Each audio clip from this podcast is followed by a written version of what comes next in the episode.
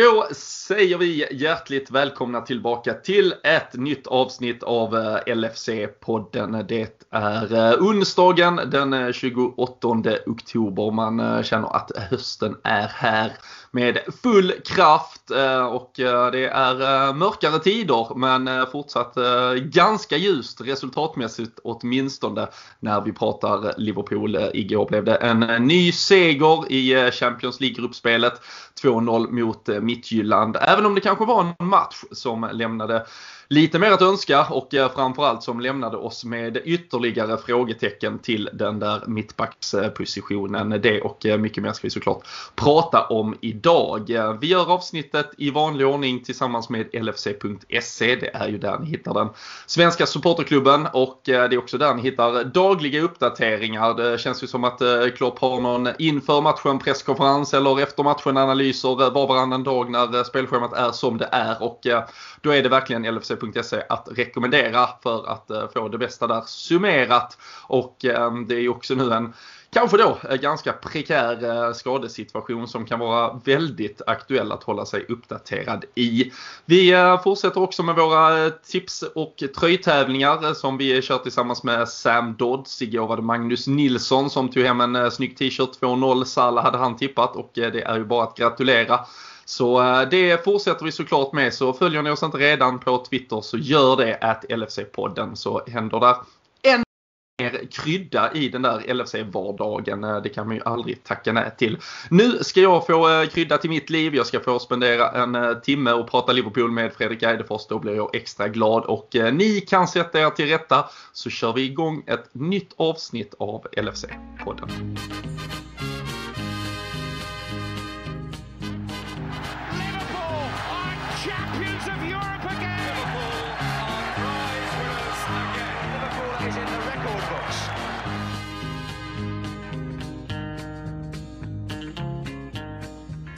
Jajamensan Fredrik, vi sitter här igen. Eh, tidig morgon, vilka jävla morgonmänniskor mm. vi eh, har eh, blivit. Men det gäller att klippa och klistra i schemat när det känns som att Liverpool spelar match typ varje dag.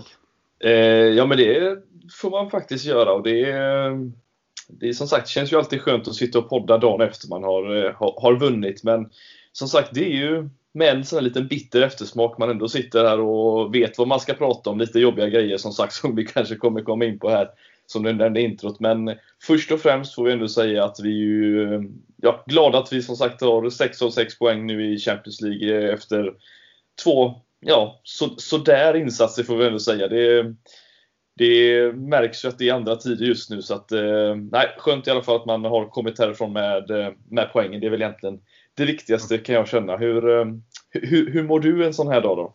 Ja, men jag, mår, eh, jag mår bra förutom att det är jävligt mörkt och regnet oh, piskar mot rutorna och man känner kanske en generell halv livskris återigen kring hur världen ser ut. Så är man väl eh, så, eh, så bra med man, eh, man bara kan vara. Och jag tror, jag avslutade nog, jag tror det var min sista tweet igår efter matchen med liksom att hade man och hade man levt liksom under en så sten där eh, resultat aldrig eh, nådde en eller tabellpositioner utan man bara fick liksom reaktioner på sociala medier och eh, forum kring hur det går för Liverpool just nu. Då hade jag ju trott att vi var på väg att åka ur Champions League. Vi låg antagligen och slogs med United på 14 plats eller något i Premier League-tabellen.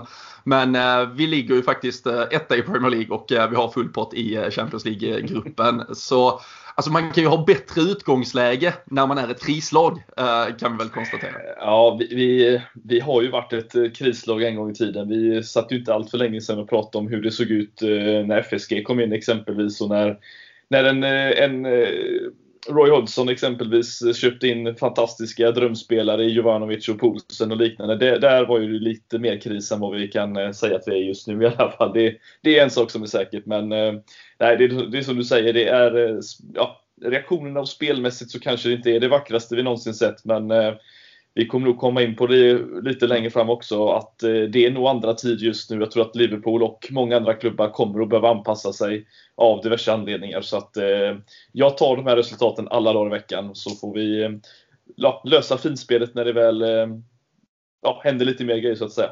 Absolut. Ja, där finns ju, eh, vi kan väl konstatera utan att gå djupt in, där finns ju klart eh, liksom eh, minst lika stora lag där ute i Europa som har exakt samma kanske problematik att nå upp i sin högsta nivå men där de heller inte får med sig resultaten. Så, så länge vi får det så ska vi nog i detta då märkliga läge och den märkliga säsong det mycket väl, eller ja, det är redan och eh, verkligen ser ut att eh, bli eh, genom hela i stort sett. Så, så måste man ju försöka i alla fall att lite då och då anamma det perspektivet också. Men även om det är lätt att äh, diskutera det och påstå det nu äh, så här i efterhand. Det blev en 2-0 seger till slut. Äh, jag skrev till, till dig och till ja, no några stycken där i vår lilla grupp i, i paus att lyckas vi få ihop en timme podd av detta då är det stora journalistpriset. För där var inte mycket mycket att prata om efter de första 45. Nej, det var väl det var lite kul att se där i halvtidspausen att eh, oftast när man har lite sån här sammandrag av vad som hänt under matchen så var det ju ett friläge då visserligen för, för Midtjylland som eh, Alisson räddade men eh, that's it. Det var, det var banne mig inte mycket mer. Sen hade väl Trent något litet slalomåk där som inte blev någonting till slut som hade, hade kunnat bli någonting men eh, det var en eh, ja, jag vet inte riktigt vad vi ska säga. Det är klart att vi har sett Liverpool spela tråkiga matcher. Det här var väl en av den första matchen tror jag sedan om det var City hemma, den här 0-0 matchen som vi inte lyckades få ett enda skott på mål under, på Anfield eh, under en halvlek. Mm. Så att det, det säger en hel del om, om vad det var för typ av match. För den matchen, för de som kommer ihåg, var inte jätterolig att kolla på den heller. Det var eh, en ganska slätstruken match, men eh, nej, det är inte mycket att ta med, men ändå så finns det rätt mycket att ta med med, med tanke på hur många mål vi är uppe i nu i Liverpools historia mm. och vilka spelare som är inblandade och massa sånt där. Så det finns ju rätt mycket ändå att prata om får jag ändå säga. Ja, men absolut. Eh, vi, eh, vi, vi vore ju inte trefaldigt eh, guldsköldsnominerade om vi inte kunde skrapa ihop någonting av den här matchen också såklart. Men nej, vi kan väl börja med att konstatera att vi satt inför matchen, pratade om kanske ja, sådär en fyra, tre, fyra, fem spelare som skulle roteras. Eh, det blev eh, fyra stycken om vi jämför med Premier League-omgången. Eh, Klopp valde att behålla den ordinarie backlinjen då tillsammans med en Alison Becker som var tillbaka fick fortsätta matchas in. Det var väl också, även om som du säger Midtjylland kom upp med, med något anfall där inledningsvis. Hade ett par ströchanser även i andra halvlek men, men annars egentligen en perfekt såklart match eh, för en backlinje att få sätta sig om det då inte vore för att den också drevs eller slets i sönder eh, med, med skador där i mitten av första halvlek. Men eh, annars var det på mittfältet Jordan Henderson som var kvar som garanten även om Klopp då efteråt har förklarat att det var planerat med att han och Wijnaldum skulle spela 45 minuter var och sen så var det den stora utskiftningen då offensivt istället. Hela fronttrion eh, out. Eh, Diogo Jota som eh, då sedan senast i alla fall inkluderas kanske i någon form av ordinarie startelva var, var kvar. Men alltså annars var det Shakiri, Minamino, Divock Origi in. Och just Origi fick ju faktiskt ingen chans alls där mot Ajax när vi gjorde trippelbytet offensivt. Var heller faktiskt inte med i matchtruppen mot West Ham senast. Och om vi ändå pratar lite om spelarna som då kom in och så vidare, deras insatser, så kanske vi måste börja med att eh, bredvid den där eh, statyn som ska upp på honom så kanske det ska upp en liten, liten gravsten kring hans eh, karriär nu också. det får stå så här lite finstilt på den här lilla graverade texten här längst ner. Liksom, legenden eh, Origi som inom parentes ändå inte höll måttet. Det är något i den stilen jag tror vi får skriva för att det är Alltså, jag vet att några skrev det innan på, på sociala medier att det hade varit det mest mest origiska, om man får använda det som ett ord. Att det, han finns i, det finns i uppslagsverk. det, det, finns. Det, finns. Eh, det hade varit det mest origiska någonsin att han hade gjort det 10 000 i målet för Liverpool med tanke på liksom, hur hans karriär egentligen sett ut. Men eh, nej, det, det, är som du säger. Han, eh, det, det, är svårt att sitta och njuta och se honom spela fotboll när det inte går hans väg om vi säger så. Det är eh, nästan så att man eh, drömmer sig tillbaka till Ricky Lambert-dagarna och lite som Balotelli, Borini-typen liksom som ja, jobbade på ett helt, som, som ibland var kanske inte Balotelli, men de andra jobbade i alla fall hårt. De fick inte ut något, men de jäklar vad de slet. Och det, känner man liksom inte med Origi. Han får inte ut någonting. Han är storvuxen kille för det första, så han känns ju som att han borde kunna tåla lite och hålla uppe bollen, men det kan han inte heller göra för den delen. Så det är Nej, det, det är jobbigt för att se honom spela fotboll när det går så som det gör för att det är jag, jag trodde ju att han kanske skulle vara slutet här nu den här, inför den här säsongen. Eh, att han kanske till och med skulle kunna lämnat och någon annan hade kommit in. Men eh, jag vet inte. Klopp pratade i efterhand om att det var en bra match av honom och jag vet inte om vi såg samma match eller om Nej, och han Klopp ju, helt alltså, han enkelt, ju- han säger ju alltid det visserligen. Så Ja, det. såklart. Och Men eh, nej, alltså, han det får var- dessutom, han får dessutom chansen på, på två positioner. Alltså han börjar ju på en kant och så liksom, ah, okej vi provar han eh, i mitten istället. Men det blev liksom ingenting lyfte. Och eh, jag tycker precis som du säger, eh, man, många som kanske tyckte att Minamino också hade en svagare match. Men du får ändå ut en arbetsinsats och till och med alltså, en spelare som Shakiri. Alltså jävla, alltså, va, alla hans matcher han har gjort nu tycker jag att man har sett en helt annan arbetsmoral i honom i alla fall. Alltså han börjar han har ändå förstått sin position i både hierarkin och kanske vad, vad han kan erbjuda. Och, eh, och det får man väl ändå säga, alltså det är väl det, kanske det, den finaste komplimangen du kan få när du är spelare 16-17 typ i, i en trupp och eh, ändå med det namnet och med den karriären han har, att han är beredd att, att anpassa sig på det sättet. Sen kan mycket diskuteras om huruvida han kommer passa in i det långa loppet, om han verkligen är en spelare för det här laget och så vidare. Men, eh, men jag tycker ändå att där har ju faktiskt Origi alltid snarare legat kvar i den andra vågskålen. Alltså, han har alltid bara spelat sin egen match och sen råkade det bli ett halvår där allt bara studsade hans väg. Och, Så eh, blir det det, ett mål i Champions League-finalen och så lite sådana här grejer. Det är och liksom, det finns ju ingen det som är mer tacksam än, än vi. Men, Nej. eh, men eh, där, där är ju eh, ja, spelmässigt så var ju såklart även det en period där, där det liksom inte slog gnistor kring honom är ju ganska viktigt att komma ihåg. Men, men det, alltså det, det som är så fascinerande med honom, som jag måste ändå säga, det är att, som jag sa, det är en storvuxen kille som, som ändå logiskt sett kan man tycka borde vara en spelare som ska han ska ligga och nypa i boxen, han ska vara där inne och, och, och stångas med försvararna. Han, han känns ju lite som Sturridge ibland, han känns lite så här eh, immun, eller han, ja, inte immun, men snarare så att han är rädd för att gå in i en närkamp. Han känns inte som att han är särskilt fysisk. Han skulle definitivt kunna förbättra det i sitt spel och det känns som att han spelar inte till sina styrkor heller. Eh, varje gång han kommer i en löpduell så känns det som att han stannar in och, och liksom, det som till exempel en Jota och en Mané gör så himla fantastiskt, det är hur de alltid bryter in framför en försvarare och tar det här lilla steget. Ja, de kanske blir nersparkade, men då vinner de sin straff eller frispark. Alternativt släpps de förbi och så har de en chans. Men Origi, han, han, han, han offrar liksom ingenting för att ta sig till de här chanserna, känns det som. Och det är, ja, det, är- det är en sån här spelare som känns som att han sitter och tjänar sina pengar och han får sina chanser, men han, det händer liksom ingenting. Och det är, nej, det, det är synd att det har gått sån, en sån väg, för att när han kom till Liverpool, då var det ju liksom den här talangen som skulle bli någonting. Och Många pratade till och med om att ja, han skulle gå hållet som Lukaku kanske gick då man trodde han skulle bli den här stora målskytten för Belgien och liknande. Men det, nej, det har ju inte riktigt gått det hållet för, för, för honom. Så att, eh, det är lite som du säger, det känns som att gravstenen är, är, den är nog redan satt. Antingen så håller de på att gräva den nu idag. Sätta upp den nu i alla fall. Ja, nej, verkligen. Fan, fan otroligt när man tänker på det att han startade matcher för Belgien i VM 2014 redan. Alltså. Precis. Ja, jo, men det är det som är grejen. Att Ja. man, vi har gått åt andra håll kan man säga. Ja, nej, verkligen så eh, är det. Eh, Men eh, annars måste vi ju såklart från den första halvleken stanna upp vid eh, ytterligare mittbacksproblematik. Eh, Fabinho med vad som eh, på alla sätt visar ut som en hamstring och det är väl också de rapporter som har kommit. Det betyder antagligen minst en månad borta.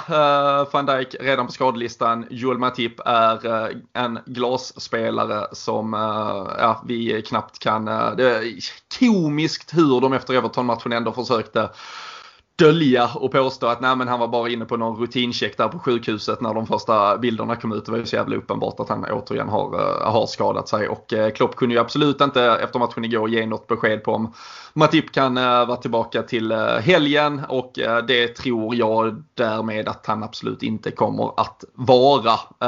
Rhys Williams fick komma in, Nat Phillips finns också på bänken. Det är nu de två och Joe Gomez som är våra mittbacksalternativ Fredrik. Ja, och eh, vi har ju pratat tidigare den här säsongen, poddsäsong, att eh, vi har haft eh, ett rätt ja, tufft spelschema. Vi har mött svåra lag, vi har varit tuffa matcher och ändå kommit ur med ja, på ett bra sätt med många poäng och eh, ligger bra till. Men med de matcherna som kommer här nu som jag tänker, det är West Ham, det är Atalanta, det är City, det är Leicester och det är Atalanta igen. Det är, och så med de förutsättningarna, det är, det är, det är en riktig mardröm skulle jag vilja säga. För det finns verkligen ingen att sätta, ja, det finns inget alternativ att sätta ner i situationstecken igen nu som med, med Fabinho vi har gjort som spelat mittfältare. Utan det här är, det är de vi har. Eh, Matip som du säger kan vi liksom inte det går ju inte att lita på honom för, för, för fem öre för att man vet inte vart man har honom längre. Man, eller någonsin tror jag. Som du säger, säger man två veckor så är han borta en, en månad minst. Det är ju så det funkar. Eh, vad tror vi? Är det, är det Williams äh. som, får, som får gå och ta det som han är den som kommer in nu? Ja, ja men alltså jag skulle säga alltså, nu, nu, nu tittar du ju fem matcher fram där. Det är mm. visserligen ett landslagsuppehåll efter uh, ja. City-matchen. Uh, så, så man kan väl hoppas att uh, efter den så till och med med lite tur så är ju Fabinho tillbaka. Nu, nu slipper han ju dra till Brasilien på landslagsäventyr. och Matip vet vi såklart inte med. Men det är, det är antagligen minst tre matcher där väldigt, väldigt mycket tyder på att det är Joe och eh, två um, ja, ungdomar. Eh, även om Nat Phillips är något uh, jävla mellanskikt. Uh, varken bra eller ung eller någonting. så det är väl lite lite tristare egentligen uh, utsikter för honom. Um, jag tror ju absolut att uh, till helgen blir det Rhys Williams uh, som går in där. det är ju en helt sanslös karriär faktiskt. Han spelar non-League-fotboll eller så här conference-fotboll eh, för eh, ett drygt halvår sedan. Eh, nu gör han sitt andra inhopp och igår blev det ju stort sett som att spela en, en hel match i Champions League. Han har gjort ett par Carabao Cup-matcher och till helgen så talar ju mycket för att han går och startar en Premier League-match på Anfield. Det, det är ju en det är ju en otrolig eh, utväxling såklart. Eh, även uttagen i U21-landslaget eh, vid senaste samlingen fick någon start där också. Och eh, ska jag vara, alltså jag tycker att det är det bästa alternativet just nu. Mm. Alltså det jag ser många som pratar, ja men Gini Wijnaldum spelade ju en gång, ja det var ju den här märkliga typ fembackslinjen mot Brighton borta i, ja, kan det varit, december 18, 17 ja. typ. Mm. Uh, och uh, liksom man börjar prata, ja men Jordan Henderson bör väl kunna göra det. James Milner klarar väl, alltså James Milner orkar ju knappt springa just nu. Uh, det ska ju verkligen också poängteras. Så, så jag tycker alltså, ehm, det, där finns mycket mer att vinna på att vi sätter in Rhys Williams um, och ger han den eh, chansen än att vi liksom ska omformera hela laget. Sen, sen, får man ju såklart balansera det kanske på ett annat sätt. Vi måste kanske då tänka till lite hur vi sköldar upp eh, framför honom. Eh, förhoppningsvis så ska ju vi oavsett kanske mittback vara det spelförande laget mot West Ham till helgen. Även om vi ska absolut prata om dem och, och deras fina säsongsöppning uh, lite senare. Men uh, det, det, det, är ju såklart alltså en, eh, ett Manchester City och ett, ett Atalanta med sitt omställningsspel och allt det. Alltså det, det kommer bli svårt vad vi än gör och uh, då ser jag väl ändå hellre att vi ger vår mest lovande mittback som är bakom de etablerade chansen att visa vad han går för än att vi försöker liksom trolla med knäna och hitta någon lösning som inte finns.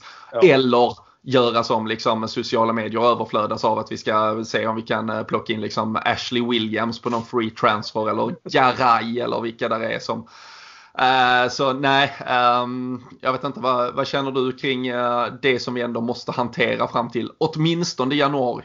Nej men samma sak, alltså det, på något sätt, det här, det här känns konstigt att säga att den här säsongen som, som, som är nu, vi, vi vet att den kommer att spelas utan publik säkert majoriteten av, av det hela, om inte hela igen. Eh, det är en sån här säsong som att hade det här hänt nu, eller det som händer nu, och det blir ett, ja, ett så kallat litet misslyckande. Det kanske inte blir som vi tänkt på grund av alla skador vi haft. Och det, det kommer en nästa säsong som kanske är tillbaka till, i situationstecken då, normalitet så att säga. Alltså, jag, jag känner bara att det är bara att, att göra det bästa av situationen och se vart vi hamnar. Alltså, vi har hittills klarat oss. Kan vi bara som säga anpassa oss något efter spelarmaterialet vi har då kanske inte köra en 4-2-3-1 igen som inte har funkat för att eh, mittfältet har blivit för öppet och, och eh, naket så att säga. Så tror jag vi ändå kan lösa det och det är absolut ingen idé att sätta in någon mittfältare igen som kanske inte ens har spelat det tidigare och som inte ska spela det för den delen heller. Eh, det är bättre att sätta in en, en, en, mittback som ska spela, en ung talang som, som, som vill bli bättre. Så får vi väl mm. hoppas att Gomes kanske gör vad van Dijk upp med honom. Alltså att det finns någon form av liten eh, liksom mentor där som kan eh, hjälpa honom på något sätt. Det är ju det enda vi kan göra och framförallt då skönt att ha Alisson tillbaka som nu får hålla sina nollor också i, i Champions League. Och, ja, det, ja, det, det, det känns helt okej okay ändå, även om det absolut inte är bra förutsättningar. Nu drog väl inte Fabinho visserligen hamstringen, utan det var en känning, vad det nu mm. innebär. Så det kanske inte är lika farligt som vi tror, det får vi ju se då. Men det kan inte men bli värre än 7-2 Robin va? Nej, nej, precis. Det kan inte bli värre. Uh, och uh, vad fan, att ha tre fjärdedelar av sin uh, backlinje som är typ 21-årig engelsman i snitt om vi tar Joe Gomez, Rhys Williams och Trent. Det borde väl få någon jävla anglofil att vara, vara nöjd i alla fall. Så jag, jag tycker absolut att Rhys Williams ska få chansen från start till, till helgen. Och sen att man då kanske får balansera om uh, lite på mittfältet uh, och se till att man drar ner någon som, som ligger lite, lite djupare uh, för att täcka upp lite. Men uh, vi... Uh, ah, hemskt gärna. Men uh, vi får väl se där. Han är ju tillbaka i träning åtminstone. Uh, så vi hoppas såklart att han är, är redo till helgen. Men efter den där mållösa och högst ja, smärtsamma nästan första halvleken så kom så till slut ändå mål 10 000 och det var inte Divock Origi det var istället Eh, Diogo Jota. Han följde i fotspåren efter bland annat den store Sotirios Kyrgiakos, eh, mannen, myten, legenden som gjorde mål 9000 eh, för oss. Innan dess kan vi säga att det var Michael Owen, gjorde 8000, John Aldrich 7000. Terry McDermott 6000, Ian St. John 5000. Det, det går tillbaka ett, eh, med ett par namn som kanske inte är lika mycket household names. Men äh, rätt många stora namn. Äh, greken såklart största mm. av dem alla. Största av alla. Även Diogo Jota där och äh, tre matcher på Anfield, tre mål. han fortsätter att imponera och hela anfallet. Trent, Shakiri, mycket snyggt.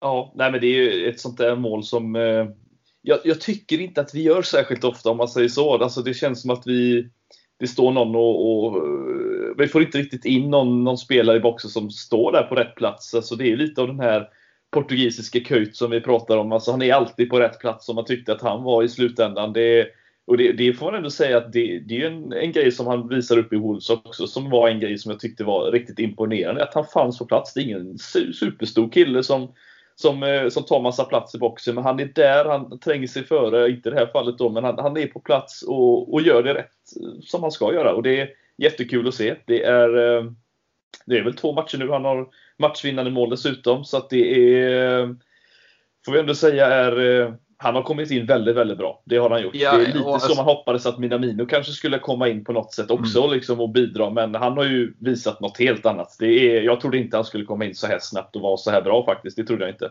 Nej, och det som alltså, han har ju fått uh, otrolig beröm, alltså de matcherna där han bara kommit in och gjort liksom en arbetsinsats. Alltså om vi pratar Ajax borta till exempel. Men alltså mot Villa Arsenal, borta var han till och med bra. Alltså, det är ju det ja, som precis.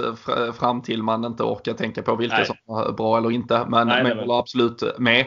Uh, och sen då att han har, alltså mot, mot Arsenal då, då är det ett skott utifrån. Uh, han har nickmålet senast och nu liksom då någon form av, i stort sett tap-in där han liksom hittar rätt yta och läge. Det, det visar ju på en otrolig eh, liksom allsidighet. Och eh, jag tyckte faktiskt, på tal om du nämner och pratar om målet där och eh, typ av mål. Det där var ett sånt mål som City gjorde när de hade Sabaleta alltid. och eh, Milner alltid på överlappen ja. och, så, eh, och så rakt in till någon som stod och bara la in den. Känns som de har gjort 20 sådana bara mot oss. Uh, ja, nej, men de gjorde, liksom, de, gjorde, ja, de gjorde två sådana mål igår själva. Liksom, Tap-ins mål. Alltså det, det är ett, ett, jäkligt effektivt sätt att göra mål. Eh, det är inte många lag som jag tycker, alltså sitter ju bäst på det i hela världen. De gör extremt många sådana mål. Det är, och det är som sagt, vi, Trent och Robertson dyker upp där oftast på, eh, på sidorna. Men det känns inte ofta som att vi får in en spelare som står där och, och, och trycker in den så att säga. Men det, nej, det var ett riktigt snyggt mål och det var väl lite det som Shakiri absolut är bäst på. Just här,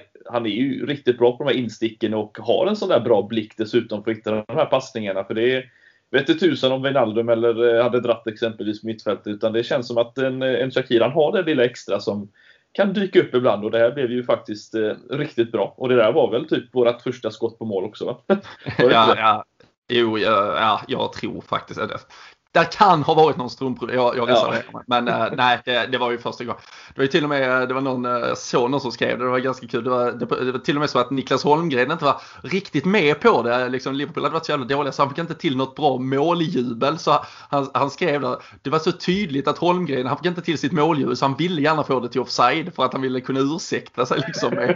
Det var därför jag inte skrev, ah, fan det var liksom, ah, ah, det var mål och jag fick inte till mitt måljubel. Han, han kändes besviken på sig själv. Han var lite, han var lite inne i hur liksom, tråkig matchen hade blivit. Men ja. äh, nej, såklart väldigt, väldigt eh, skönt. Eh, det, det, var ju egentligen inte ett Midtjylland som såklart verkligen alltså, utmanade om, eh, om poäng eller seger. Men, men så länge det stod och vägde eh, som det gjorde så kan ju såklart allting hända. Eh, målet kommer där. Ehm, Trent med den assisten har en framspelning till Firmino i ett liknande läge. Det är ju lite mer folk där. då, då skickar Firmino den över. Håller du med mig i åsikten att detta kanske var Trents bästa match för säsongen trots att det var ett Liverpool som kanske inte flög fram. Men han mm. hittade lite mer till sin rätta och uh, jag var också glad att han fick spela. Det var några som pratade om att han kanske skulle vilas men jag tror han är en typ av spelare som spelas i form uh, bäst. Ja, nej men alltså det här var en sån insats som man uh, Ja, nu ska man inte dra jämförelsen återigen med Gerard var för enkelt, men alltså, han kändes lite som, utan kaptensbindeln, han kändes som den som var drivande igår. Han kändes som den killen som, och spelaren som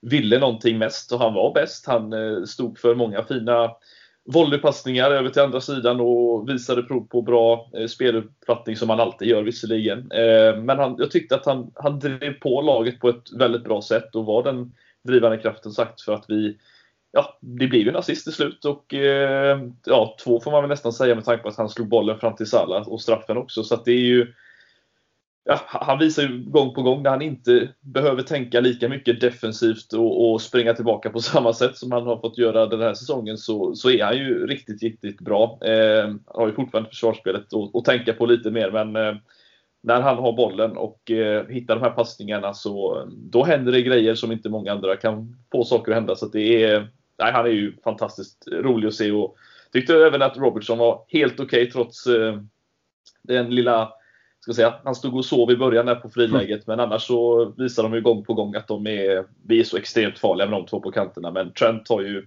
offensivt sett en, eh, ett extra litet öga för att hitta de här eh, fina bollarna. Mm. Och eh, som du nämner hittar eh, fram till eh, Mohamed Salah. Det är ju viktigt att poängtera där. Hade det varit eh, riktiga Premier League och fantasy-regler då är det Salah egentligen då som hade fått assist till sig själv. Nu, nu kan man ju inte få det eftersom han också, det är den som får straffen som får så att säga assisten. Uh, ja, du, får, du får plugga på på, på reglerna där Fredrik. Men uh, det är ju uh, ganska intressant Mohamed Salah att få straff i Premier League. Då krävs det att han avrättas i stort sett i Champions League. Så Lite lättare, det, det, är väl absolut en straff men något konspiratoriskt inom mig säger att det hade inte varit helt självklart att han hade fått den i Premier League. Nej, det har du helt rätt i. För att eh, han, han gör ju det här som, som kan vara lite farligt då när du, han känns som att han tar ett steg efter att han har blivit trampad, vilket kan för många då se ut som att man kanske slänger sig lite, lite snabbt. Men eh, nej, det var ju, han fick en, en, en tramp på hälen och såg väl till och med ut som att det gick att halta, men det var väl mer för att det var så pass nära in på slutsignalen och det gjorde nog rätt ont faktiskt att få ett par järndobbar på, på hälsenan. Det kan jag, kan jag faktiskt skriva på själv. Eh, men eh, nej, det är, eh, det är konstigt att det är skillnad, att man får den känslan just i Champions League och ligan. Det, är, det måste ha att göra med vilka som sitter och bestämmer eh, och vilka som springer på planen tänker jag. Men det, och det har vi fått bekräftat ganska, ganska tydligt här nu på sistone. Ja, ja precis. Jag kan väl konstatera, jag kom ju igår efter att eh, ha varit helt petad eh, förra helgen efter sin insats på Goodison Park. Eh, David Coate som satt i VAR-rummet den där förskräckliga förmiddagen mot Everton. Han har fått en huvuddomarmatch nu till helgen men fortfarande bannlyst från att besöka Stockley Park och agera VAR-domare. Men vi får väl se hur, hur länge det hålls. Salla ner, Salla tar själv straffen och eh, alltså jag börjar ju älska mer och mer hur han tar sina straffar Fredrik. Det är, eh, det är så avigt men så stenhårt och eh, kroppen, hela kroppen viks till höger och vänster när han skjuter i stort. Det, ja, och inte alls i målvaktens höjd. Nej, men fan alltså, det, han ska gå jävligt tidigt för att han ska ta den. Ja. Ändå. Nej, men det är som sagt, jag, du vet att jag har varit en, det kanske var det du ville komma ja, kan, åt. Det kan ha varit att jag eh, tryckte till lite. Ja, nej men jag, jag kommer aldrig någonsin att, att ändra min, eh, min, min åsikt kring att jag inte tycker att han eh, känns särskilt säker som en straffskytt. Jag, ja, jag nöjer mig med att han gör mål på det han, det han ska skjuta så att säga, så, så får jag väl nöja mig där. Det, det är ju en sak som är säkert, men hade Milner tagit den hade jag varit mer säker, så är det fortfarande. Ja, ja, ja, ja absolut. Trots äh, Milners äh, insats igår. det var, ja, han, var trött. han har åldrats kan man säga. Mm. Det, det går snabbt nu ut för får vi säga. Han, ja, nej, det han är bra på mycket som sagt. Alltid bra på att vinna frisparkar nere vid egen hörnflagga och offensiv hörnflagga. Men när, det, när man behöver hålla i bollen. Men annars så känns det som att det har gått lite för snabbt ut för nu. Men han har ju några år på nacken också. Han har spelat i Premier League rätt många många säsonger nu så att han, eh, han börjar väl bli, bli lite trött i benen tänker jag. Mm. Hur, eh, alltså, om, om man ska ta det väldigt kort men ändå lite seriöst kring det, hur, hur så att säga, allvarligt, alltså nu är det trots allt Midtjylland hemma men, men till och med där kändes det stundtals i första halvlek som att eh, när han mötte stora svenska amerikanska spelare som Cajuste och eh, några till på det där mittfältet så, så var han liksom inte ens uh, varken etta, två eller trea. Um, var, var har vi James Milner uh, säsongen uh, 2021 och är det är det många fler matcher än typ den här där han ens uh, kan spela från start utan att vi ska tappa lite för mycket kvalitet? Alltså, jag, jag, jag, tycker absolut inte han ska... Han kan absolut komma in i matcher och vi behöver stänga och det är inte allt för, för långt kvar. Men jag tycker inte han ska starta sådana här matcher. Jag tycker eh, det har gått, som jag sa, det har gått lite för snabbt ut för honom. Jag tyckte att det kändes helt okej okay, vissa matcher förra säsongen när han fick spela. Men nu känns det som att han inte hänger med. Det är mycket ett, ett snabbt spel fortfarande. Är, han hänger eh, inte riktigt med med sina knän och, och ben. Och det är, det är fullt förståeligt med tanke på hur, så det, som jag sa, hur länge han har spelat och hur mycket han har varit igång så att säga. Eh, men jag tycker ju, jag ser ju hellre honom starta som lagkapten i en så här, ja, någon fa kuppmatch mot eh, något mindre motstånd eller någon ligacupmatch här mot, eh, mot ja, kanske inte de bästa Premier League-lagen. Det tycker jag ändå är helt okej. Okay. Men Champions League-matcher och viktiga Premier League-matcher eh, tycker inte att han håller tempot framförallt. Det är väl det som är problemet. Och håller man inte tempot så blir ju tajmingen mycket sämre och det är ju det han har levt på väldigt mycket. Att han har kunnat täcka upp ibland och, och vara på många ställen samtidigt. Men eh, det, ja, just nu så tror jag att det är lite svårare för honom såklart. Mm. Vi kan eh, i alla fall konstatera att Liverpool har eh, 6 poäng i eh, det här Champions League-gruppspelet. Ehm, Ajax hade 2-0 mot Atalanta. Atalanta kom ikapp 2-2. Ehm, det betyder att vi har 6 poäng, Atalanta 4, Ajax 1, Midtjylland 0. Och nu väntar visserligen då dubbelmöte så att säga här när gruppspelet vänder mot Atalanta som väl absolut får ses som det bästa laget i, i gruppen utöver oss. Men väldigt mycket tyder på att eh, det är två lag här som har distanserat sig till övriga. Och eh, mycket ska väl till för att eh, inte ett slutspel ska kunna bärgas ännu en gång.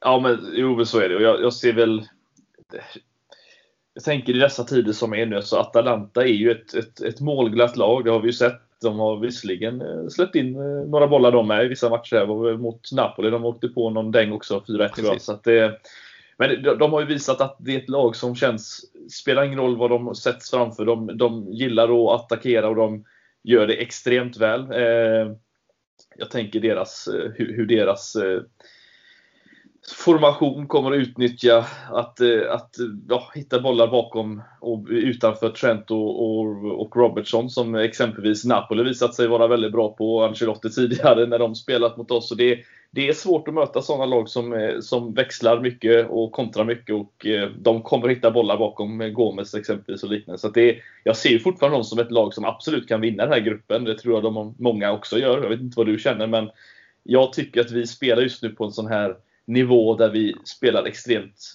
eh, ja, egentligen defensivt och tråkigt på medvetet sätt skulle jag vilja säga. Just för att jag tror att, jag vet inte hur du känner kring detta, men det känns som att vi har försöker anpassa oss för att hålla ut så länge som möjligt mm. just nu. Vi går inte att ta massa risker utan vi har ju sett andra lag, City spela mycket mer defensivt, inte alls lika på samma sätt som var tidigare och det är kanske för alla förluster och, och sånt där men de, många lag tror jag kommer behöva anpassa sig lite nu. Jag tror vi är ett av de lagen som absolut har gjort det väldigt tydligt. Mm. Eh, och det ser man ju också. Ja, Ja, nej, men jag tycker också det har blivit så till. Alltså, Klopp var ju också inför säsongen kanske ja, men en av de mest högljudda kring hur kritisk han var mot att Premier League gick ner på uh, tre byten. Uh, medan man då i Champions League till exempel och i stort sett i alla andra uh, internationella ligor har behållit fem byten. Han har ju verkligen visat det eh, i båda de här gruppspelsmatcherna än så länge. Eh, då kanske då på pappret mot två lag som vi, vi ändå ska eh, ta poängen mot. Men där han har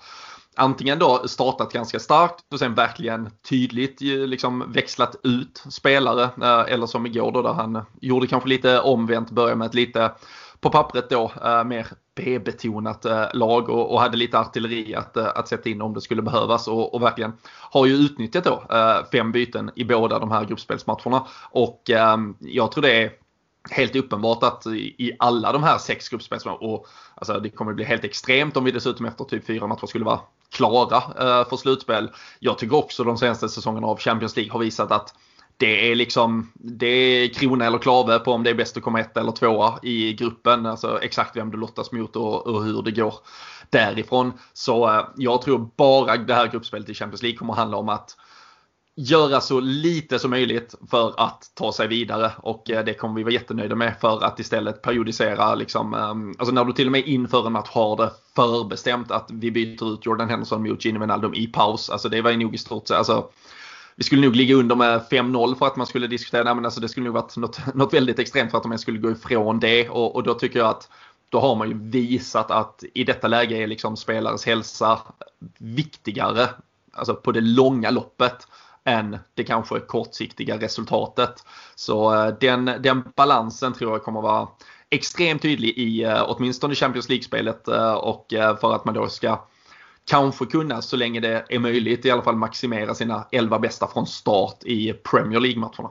Mm. Nej men absolut, och det som jag tror många, jag tror det var många som satt och, alltså det var absolut ingen bra match igår. Det har varit, eh, det var väl inte, ingen höjdare mot Sheffield heller för den delen. Men jag tror att, som den här matchen igår då så, ja vi spelade, det händer inte mycket. De, eh, taktiskt sett så var ju Midtjylland faktiskt rätt smarta på sättet de, de stängde ner det väldigt eh, tydligt att vi kunde inte hitta in några bollar centrerat i, i banan utan det var bara Trent och, och Robertson som kunde få hitta lite bollar ute på kanten men det kom inte så långt. Och det jag tänker är att spelmässigt så tror jag att vi har sett ut sådär rätt mycket också. Skillnaden är bara att när man är Salah framförallt då, eh, som har varit eh, väldigt bra den här säsongen, de har så mycket kvalitet i sig och eh, de är sådana game changers så att även om vi spelar sådär dåligt så kommer de alltid att bidra och det har de gjort tidigare. Eh, nu då med, med Origi och Minamino då som inte kommer upp i nivå då blir det ju extremt slätstruket. Mm. Det händer ingenting. Men hade Salah, om man är spelat från start, så hade det nog inte varit Folk hade inte suttit och haft samma reaktioner på samma sätt. För att då hade vi haft ett, två skott på mål kanske och till och med ett mål, vad vet jag. Eh, så det är bara på grund av deras höga kvalitet som det har vi kan spela så här ja, tråkigt och, och, och, konstruktivt på det sättet. Alltså att det, är, ja, det, är, det, det, är skillnad på spelare, men jag tror som sagt vi kommer se detta länge under den här säsongen. Det kommer vara Absolut. så eh, mycket. Ja, det tror jag också. Vi, eh, vi konstaterar att det i alla fall är eh, sex Champions League-poäng på kontot och till helgen så väntar Premier League-spel igen. Det är lördag eftermiddag eh, mot eh, West Ham. Eh, fortsätter på Anfield, eh, tredje raka där innan vi ska ut och resa lite. Då Atalanta borta kommer ju i eh, nästa vecka men eh, vi är såklart tillbaka med avsnitt innan dess. Eh, West Ham eh, har eh, fått, ja men efter en start med två förluster så, så satte man David Moyes i karantän. Då blev det 4-0 mot Wolverhampton, 3-0 mot Leicester otroligt eh, imponerande och eh, sen tror jag ingen missade deras eh, fantastiska upphämtning mot eh, Tottenham. De låg under med 3-0 efter typ 20 minuter, kom tillbaka sista 8-9 minuterna. Eh, Lanzini med ett helt fantastiskt mål som eh, gav 3-3 och sen eh, mot Manchester City var de så vänliga att eh, stjäla poäng eh, nu senast i helgen också. Eh, men ett West Ham som gör väldigt mycket mål Fredrik. Michael Antonio med mål igen här mot City gick ut med lite känning senast. Vad jag har hört och tror så är han nog tillbaka. Men vi får väl brasklappa lite för det. Men, ja, men ett West Ham som Ehm, kanske på många år är plötsligt ett West Ham man ändå behöver eh, fundera lite kring hur eh, tufft det här kan bli. Ja, alltså jag tycker ju ändå att de har nu har jag inte statistiken i bakhuvudet här, men det är bara en känsla att de är, de är jobbiga för oss att möta. Har varit det. De satte ju lite problem för oss säsongen vi gick för, för ligan, hamnade tvåa. Eh, var det sån riktigt jobbig, då, var väl då vi kryssade med dem och Leicester och tappade det kanske som var titeln i våra händer. Och Eh, och de är, alltså, de är ju fysiska, de är stora, de är starka. De är riktigt jobbiga och framförallt de med Antonio som Lite som min eh, gamla favoritspelare John Carew i Valencia som när han får upp farten då fan går det inte att stoppa. Alltså, det är... Otrolig spelare! Jajamän. Nej, men det är liksom som ett tåg som, som är extremt svårt att möta. Vi, han, han är en underskattad spelare för att han spelar ju verkligen till sina styrkor och eh, gör det väldigt, väldigt bra. Eh, kan ibland stå för lite drömmål som lik mot City eh, och jag ser ju bara framför mig hur ja, hade van Dijk spelat så hade det bara varit betydligt eh, lättare för oss. Men eh, alltså, tänk dig en Rhys Williams eller en, en Gomes när han, är, liksom, han backar in i en. Alltså, det är ju det är ju en mardröm att möta en sån spelare. Det är väl visserligen helt okej, okay, men komma i en löpduell med en sån spelare som dessutom då ångar på, det är inte heller lätt. Så det, han är ju deras största fara som jag ser det. De har ju fortfarande många bra spelare. De har ju en, en, en Rice exempelvis som har varit duktig i speluppbyggnaden och täckt upp bra där. Så de har ju hittat något sätt att, att, att, spela som passar för dem och som är jobbigt att möta. Men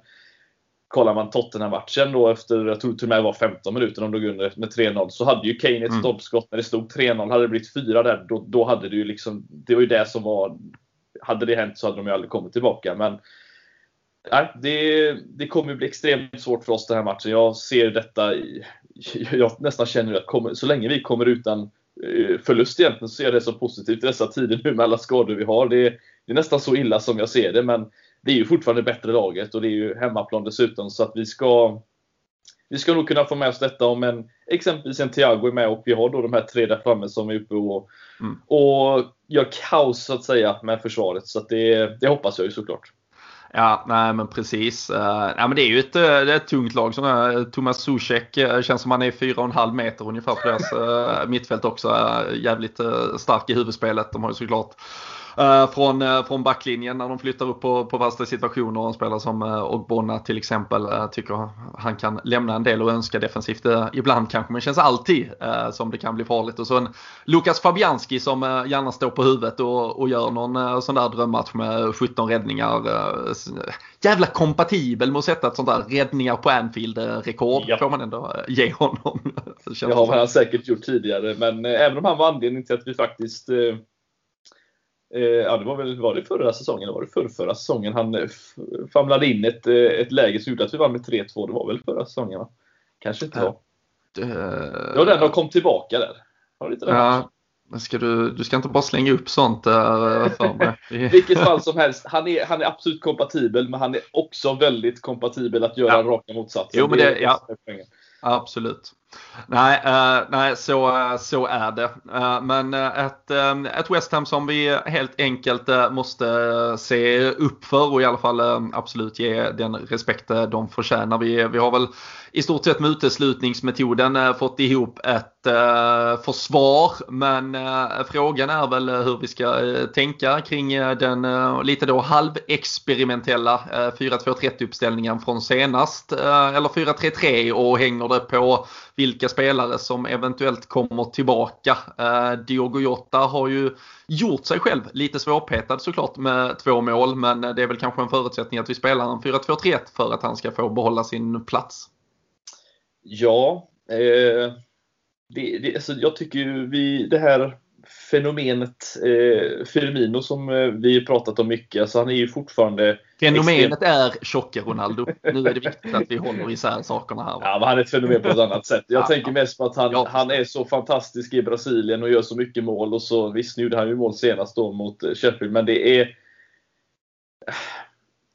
jag vet inte riktigt vart vi ska hamna här med när, om du kanske är jättetaskig här, men när är det dags att gå vidare från en Firmino som jag tycker har det, det är mycket pillande på bollen. Det, jag, jag, hade ju hellre sett en, en, liksom en, ett ånglok där framme som hade stångat in bollar på ett annat sätt. Jag tror att det är det hållet vi i Liverpool kommer behöva tänka om och spela på ett annat sätt. Jag, jag, jag är, tror det. Är det John Karev du vill ha in där framme?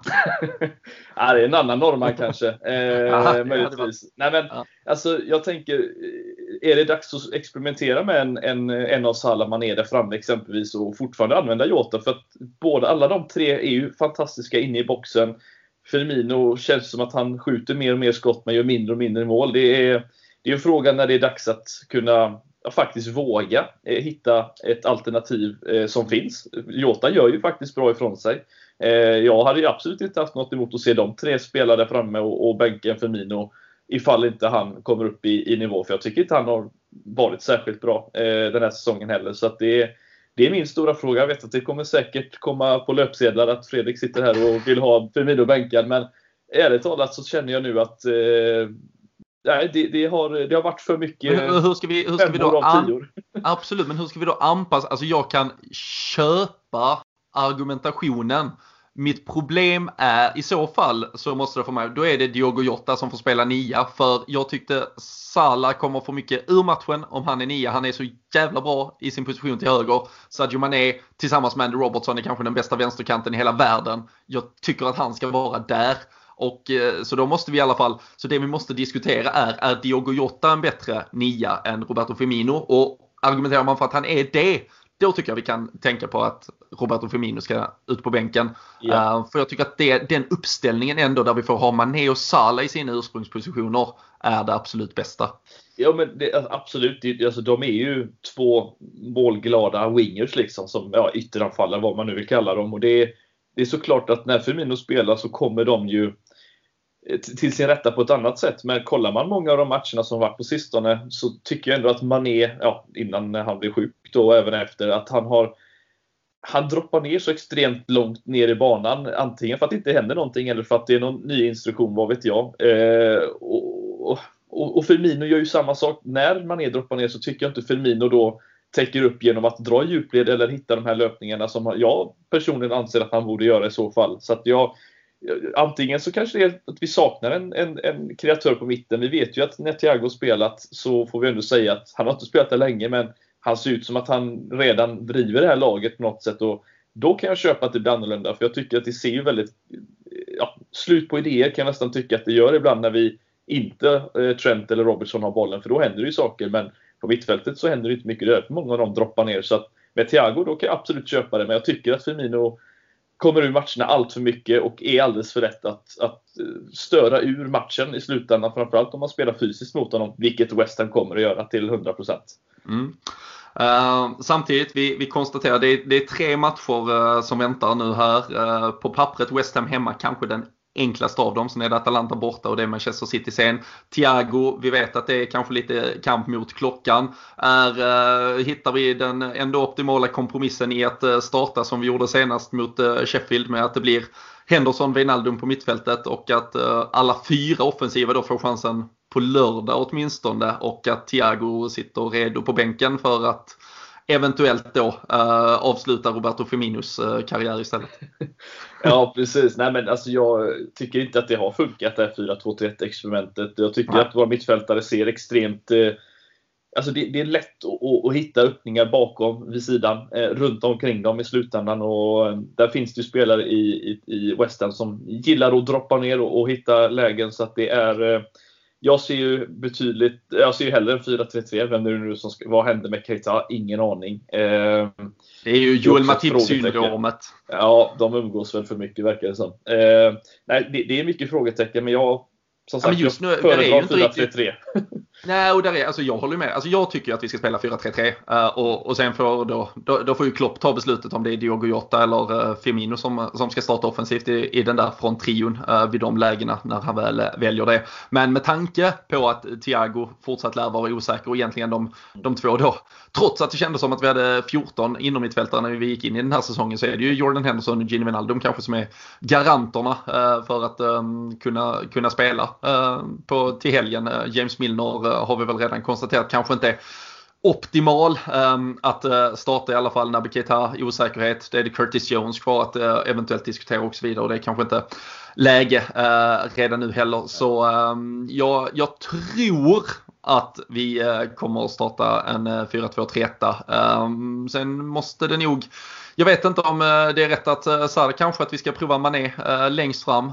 Diogo Jota får, får hålla till på vänster. Eller att det är Jota längst fram. Um, mm. Salah vill jag behålla på högerkanten i alla fall. Mm. Ja, men det, det, det, köper jag absolut. Jag tycker att han är, han är en, en bättre spelare ute på kanten än vad han är i mitten. Även om man gärna gillar att röra sig inåt. Men det är ju faktiskt en annan, en annan sak att göra. Ja.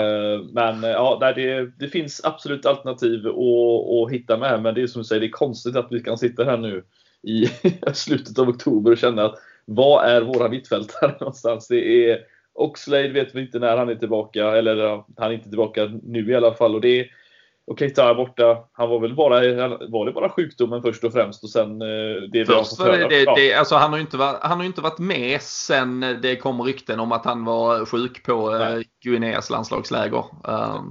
Och eh, la väl själv upp några klipp i alla fall liksom där han satt och där han tränade på egen hand och sådär. Så han verkar vara på något sätt i ja, någon, någon fysisk form. Men eh, där ligger fan någon jävla hund begraven i han och Klopps relation någonstans. Ja, det gör det, det definitivt. Vågar jag nog eh, påstå i alla fall. Uh, så uh, nej, uh, vi, vi får väl se hur det blir. Uh, Klopp tar de definitiva besluten till helgen. Avspark där lördag eftermiddag. Favoritavsparkstiden, även om då 16.00 får ehm, ursäkta. Den tycker jag är perfekt. Ehm, kan väl konstatera eh, ifall någon inte har tillskansat sig den informationen på annat sätt. Att eh, det som var tänkt att eh, vara en träff på lördag i Malmö tyvärr måste ställas in.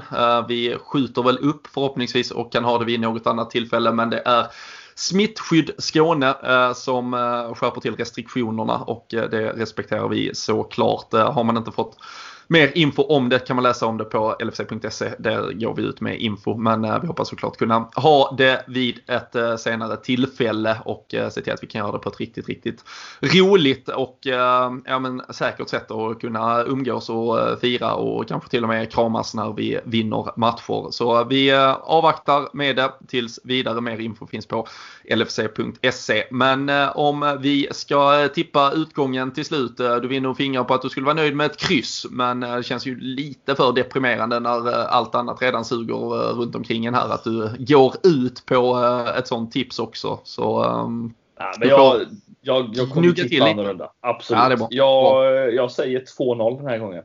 Vi håller nollan igen. Ja, ja men Rhys Williams-effekten helt ja, enkelt. Precis, ja, han gör två. Han gör två, ja. Fy fan. Ja, jag satt förra, förra avsnittet så att Trent skulle kanske göra mål 10 000 uh, assist fick han till det i, eh, i alla fall. Men eh, kanske sparar det till, till helgen nu här istället. Men eh, jag säger 3-1 till Liverpool. Jag tror kanske ändå att där kommer bronkas in en hörna på något jävla sätt till West Ham. Det känns som att det alltid ligger, ligger i luften. Det gör det alltid. Så, eh, men eh, ni där hemma brukar ha eh, bättre koll och eh, till helgen så kör vi såklart eh, tipstävling igen. Ehm, vi fick ju faktiskt väldigt roligt förra helgen där också in nakata.se som har tagit fram de här Anfield-printsen, eh, det var de som gjorde den här klopp-tishan som jag hoppas ingen har missat eh, i somras. Eh, de tävlar ut via vår tipstävling en sån där print i, i helgen och kommer faktiskt göra det även nu till helgen. SamDodds är såklart alltid med oss och skjutsar in massa roliga grejer och priser och prylar Eh, normalt sett och framåt eh, också. Men eh, till helgen så boostar vi upp det lite med ytterligare en print från Nakata och de har ju just nu också ett jävla dundererbjudande där man alltså kan köpa både den här postern, snygg som bara den, och eh, klobbtishan. Normalpris för båda då styckvis om man hade lagt ihop det 650 spänn totalt. Men de har gjort en Copite pack eh, för 520 kronor och sen med koden LFC så får ni dessutom 10% rabatt. Så eh, Matt A-kunskaperna säger att det blir 468 spänn för allting. Och det tycker jag att man bör passa på att unna sig själv eller kanske klicka hem. Det är första dag här om någon vecka. Julen kommer springande mot oss helt plötsligt och står man där och saknar presenter. Har man plockat hem ett sånt så har man två julklappar kanske till två Liverpool-tokiga vänner eller familjemedlemmar. Så in på nakata.se. Alla Liverpool-grejer köper ni med rabatt då om ni använder koden LFC. Och så håller ni utkik på Twitter här till helgen när vi tävlar igen. Och eh, avsnitt kommer såklart efter West Ham inför Atalanta. Vi pumpar på hela hösten, vintern, hela säsongen som vanligt och ni hänger bara med. Så eh, tack för att ni lyssnar. Se verkligen till att eh, sköta om er. Håll kanske lite extra avstånd, tvätta händerna en extra gång så hörs vi och ses vi snart igen.